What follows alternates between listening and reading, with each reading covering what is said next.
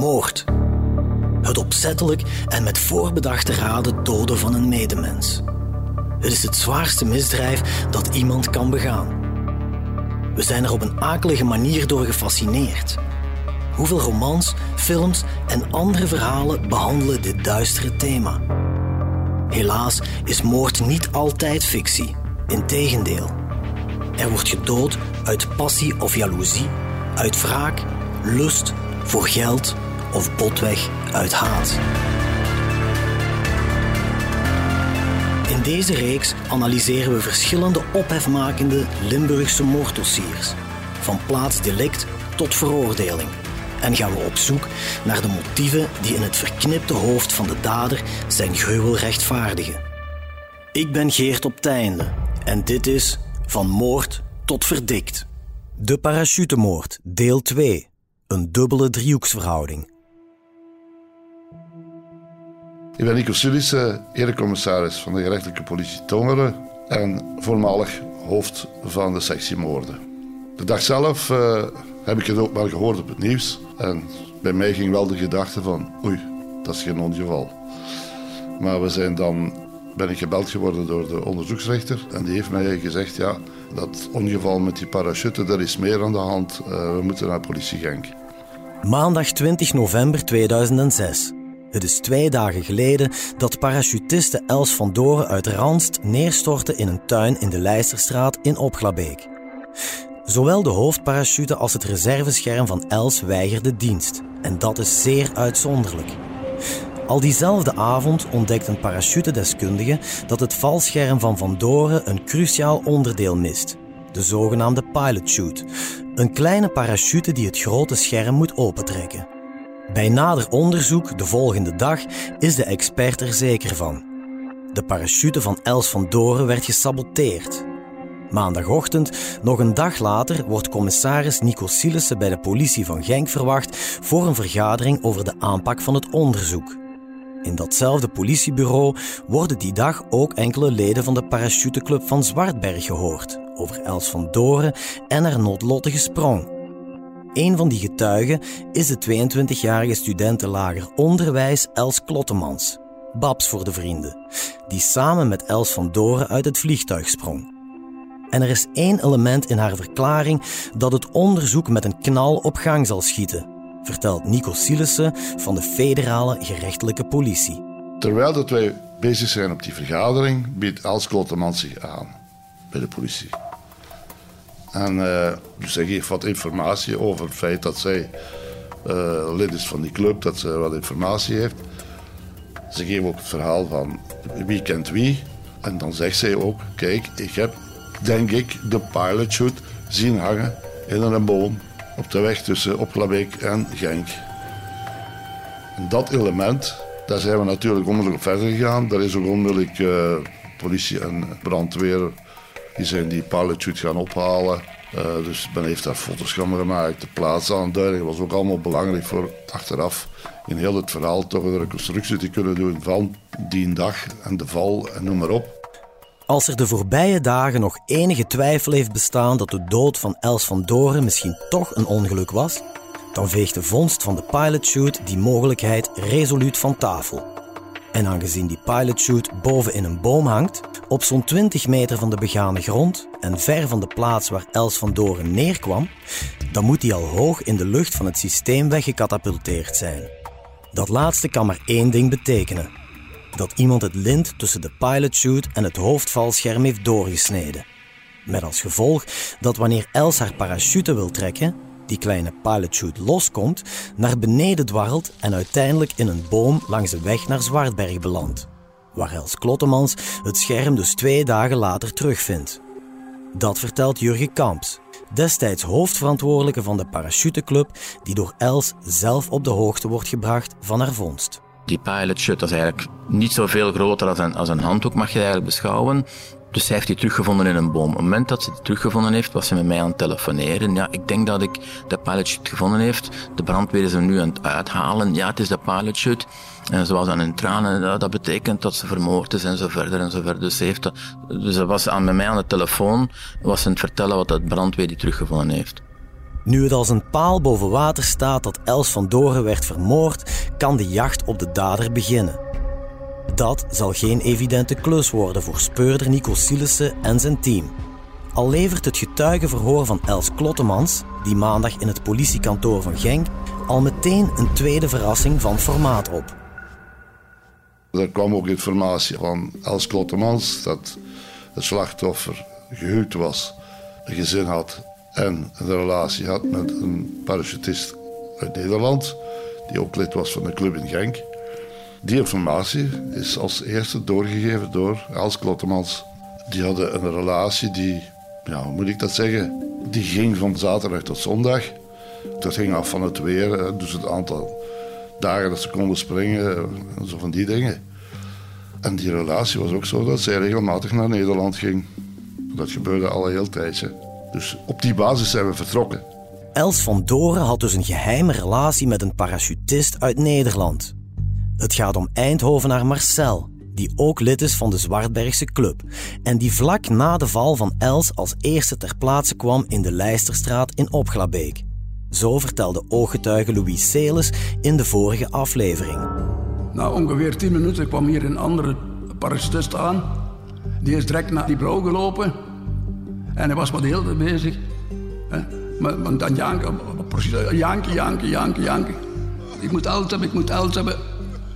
Al wat uit zijn mond kwam was Els.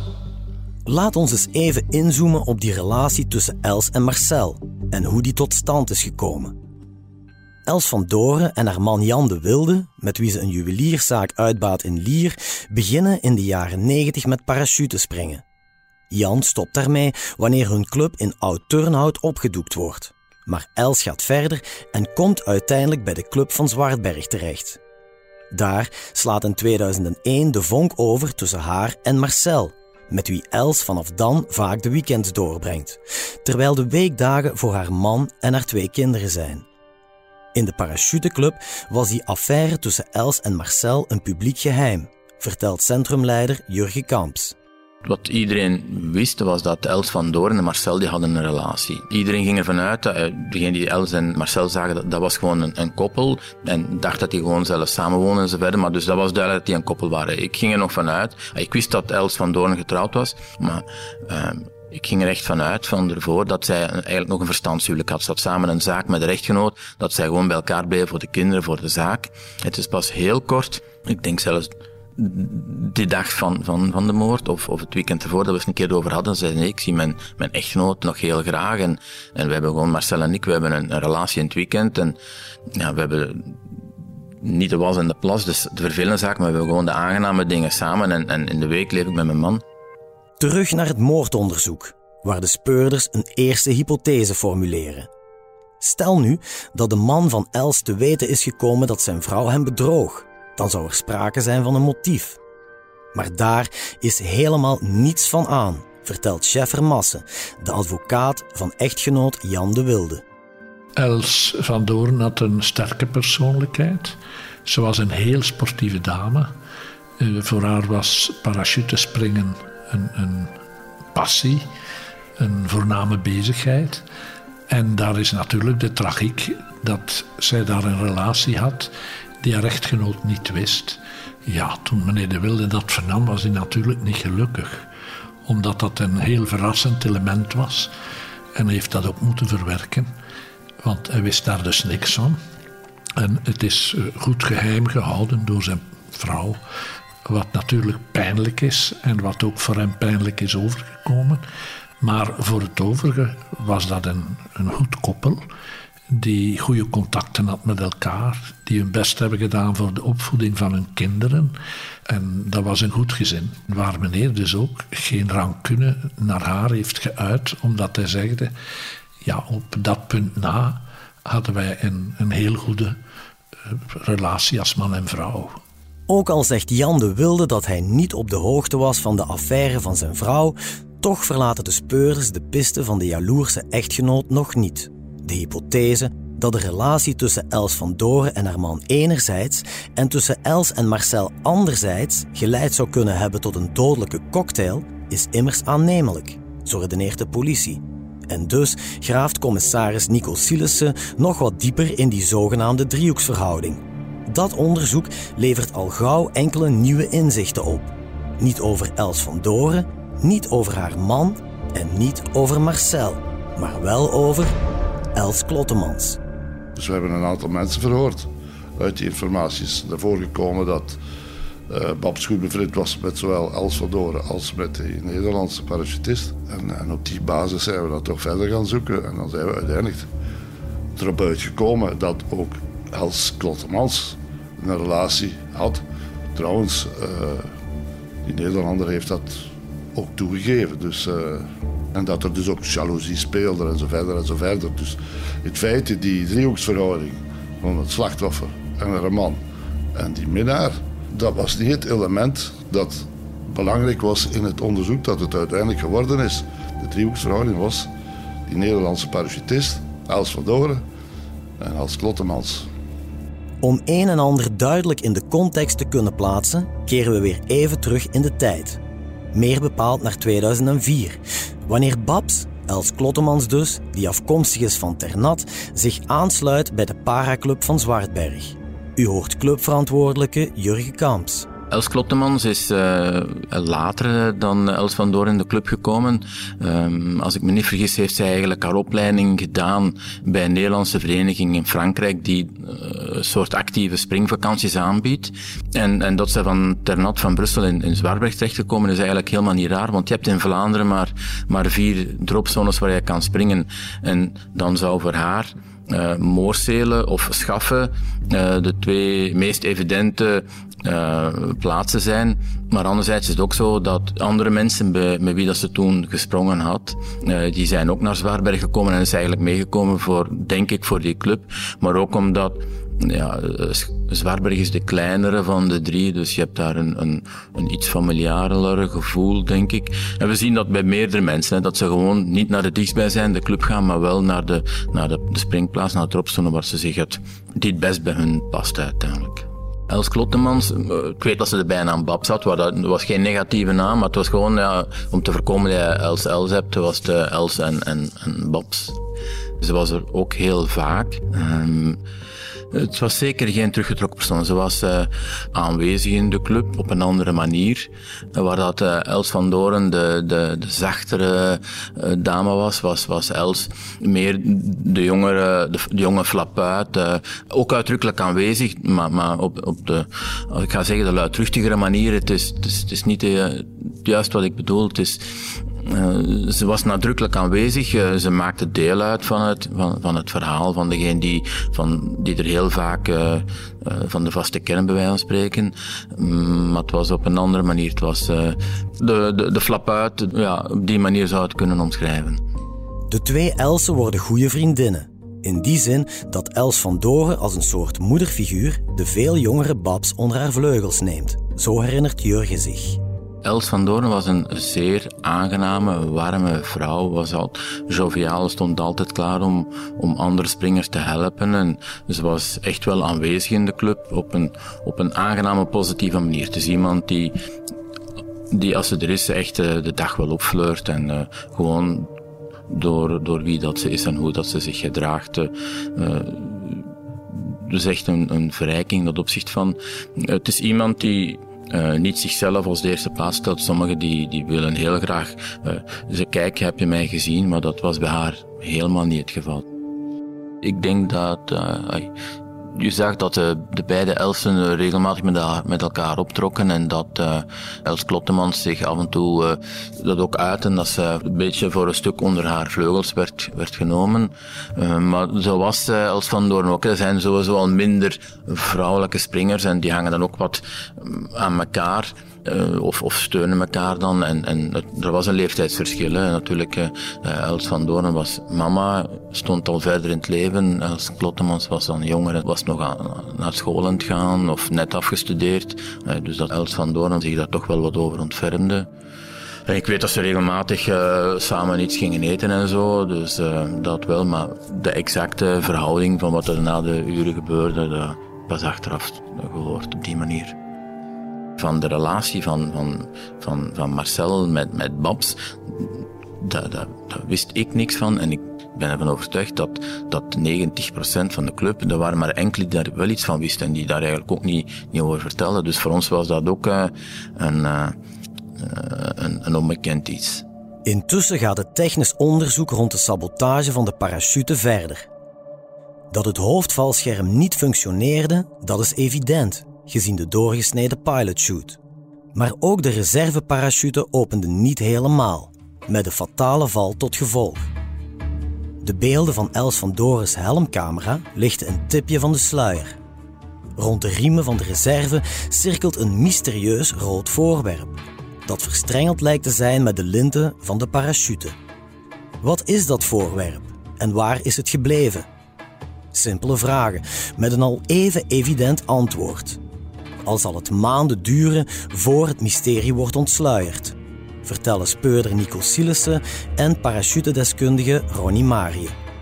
Heel belangrijk in het onderzoek, dat was het rode voorwerp. Els van Doren die heeft dus een camera op en blijkbaar als je springt, kijk je naar je parachute.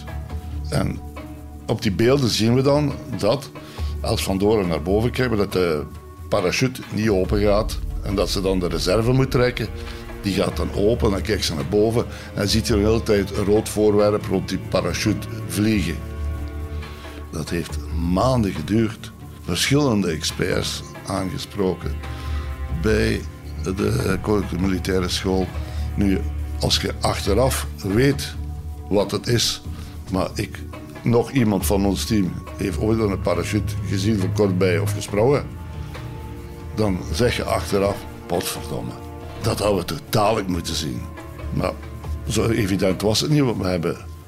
Ik weet niet, dus de eerste expert die was aangesteld van, van, van de, militaire basis van Schaffen. Dus die, die wist het ook niet wat dat was. We zijn in Nederland geweest, ik ben op de militaire school geweest. En uiteindelijk hebben we dan iemand gevonden, een, een echte expert. Dat was een uh, man die alle mogelijke vliegtuigongevallen onderzoekt. Ik heb die beelden gebruikt, dat standaards materiaal. Het is heel simpel. Dat, dat, rode voorwerp. Dat is dus de riem van de reserveparachute. Zo simpel als het maar kan. Dat de reserve niet opengegaan is, komt eigenlijk waar we eerst zitten naar zoeken hebben, omdat we dachten dat er een vreemd voorwerp ingebracht was in de reserve zelf. Achteraf, met meer analyse van de beelden, hebben we gezien gehad dat dat eigenlijk niet kon, dat er een voorwerp ingebracht was. En hebben we gevonden dat dat rode voorwerp een onderdeel was van de reserveparachute zelf, namelijk het stuurhandvat, die altijd rood zijn. Zo'n reserveparachute zit dan vier punten vast. Je snapt wel, als er één punt van gebroken is, dat hij niet stabiel kan vliegen. En dat is hetgeen dat er gebeurd is. Uh, Els van Doren heeft pech gehad dat, dat omhoog gecatapulteerd is en rond de reserve geslagen, waardoor deze natuurlijk niet kon opengaan. Parachute-expert Ronnie laat ons in zijn atelier zien hoe de sabotage precies werd uitgevoerd. Allereerst werd het lint van de pilotchute doorgesneden, waardoor de hoofdparachute niet openging. Daarnaast werd een van de vier riemen van de reserveparachute doorgeknipt, waardoor dat scherm nog maar aan drie punten vasthing. In principe is het dan nog mogelijk om te landen, al zal die landing hard en zeer risicovol zijn, zo weet Ronnie. Maar bij Els van Doren heeft het stuurhandvat van het doorgesneden lint zich dus rond de andere riemen gedraaid, waardoor de linten van het reservescherm hopeloos verstrengeld raakten ja, als je die beelden ziet, uh, Els van Doren, hoort die niet schreeuwen. Hè? Dus die is altijd bezig geweest om die reserve open te krijgen. Die is echt daarmee bezig geweest om dat spel op te lossen. Maar krijgt dat niet opgelost. Als hij daar rond zit, krijg je dat niet opgelost. Je gaat niet zeker zijn dat het uh, slachtoffer zal dood zijn. Um, je kunt ook iemand ernstig verwonden daarmee. Dat is trouwens gebeurd in Amerika. De sabotage die daar gebeurde was identiek dezelfde. Het voordeel als we dat voordeel mogen noemen, wat die persoon gehad heeft, is in de bomen terechtgekomen en zit nu in een rolstoel alleszins. Els van Doren had helaas minder geluk. Bij haar was de sabotage fataal. Maar wie heeft die riemen dan doorgeknipt? Niet eender wie kan dat doen. Je moet iets van parachutes afweten. Maar elke springer weet hoe een parachute werkt en weet ook wat dat de zwakke punten kunnen zijn. Net als Ronnie zijn ook de speurders ervan overtuigd dat de dader iemand uit het parachutewereldje moet zijn. Nochtans, in de club kan de sabotage wellicht niet gebeurd zijn, want daar is altijd toezicht op het materiaal. Dus moet de dader in de privésfeer hebben toegeslagen. En dan blijven er maar drie verdachten over. Els van Doris echtgenoot Jan, haar minnaar Marcel en haar goede vriendin Els Klottemans. Morgen meer daarover in deel 3 van De Parachutemoord. U luisterde naar Van Moord tot Verdikt, een true crime reeks van HBVL Podcast. Samenstelling door Geert op Teinde, Nancy van den Broek, Filip Perges en coördinator Cato Poelmans. Montage en audioproductie door Len Melot en Glenn Legijn. Chef podcast is Geert Nies. Reageren? Dat kan via podcast@hetbelangvanlimburg.be. Ben je benieuwd naar meer nieuws en verhalen? Surf naar hbvl.be/voordelig en ontdek onze voordelige leesformules.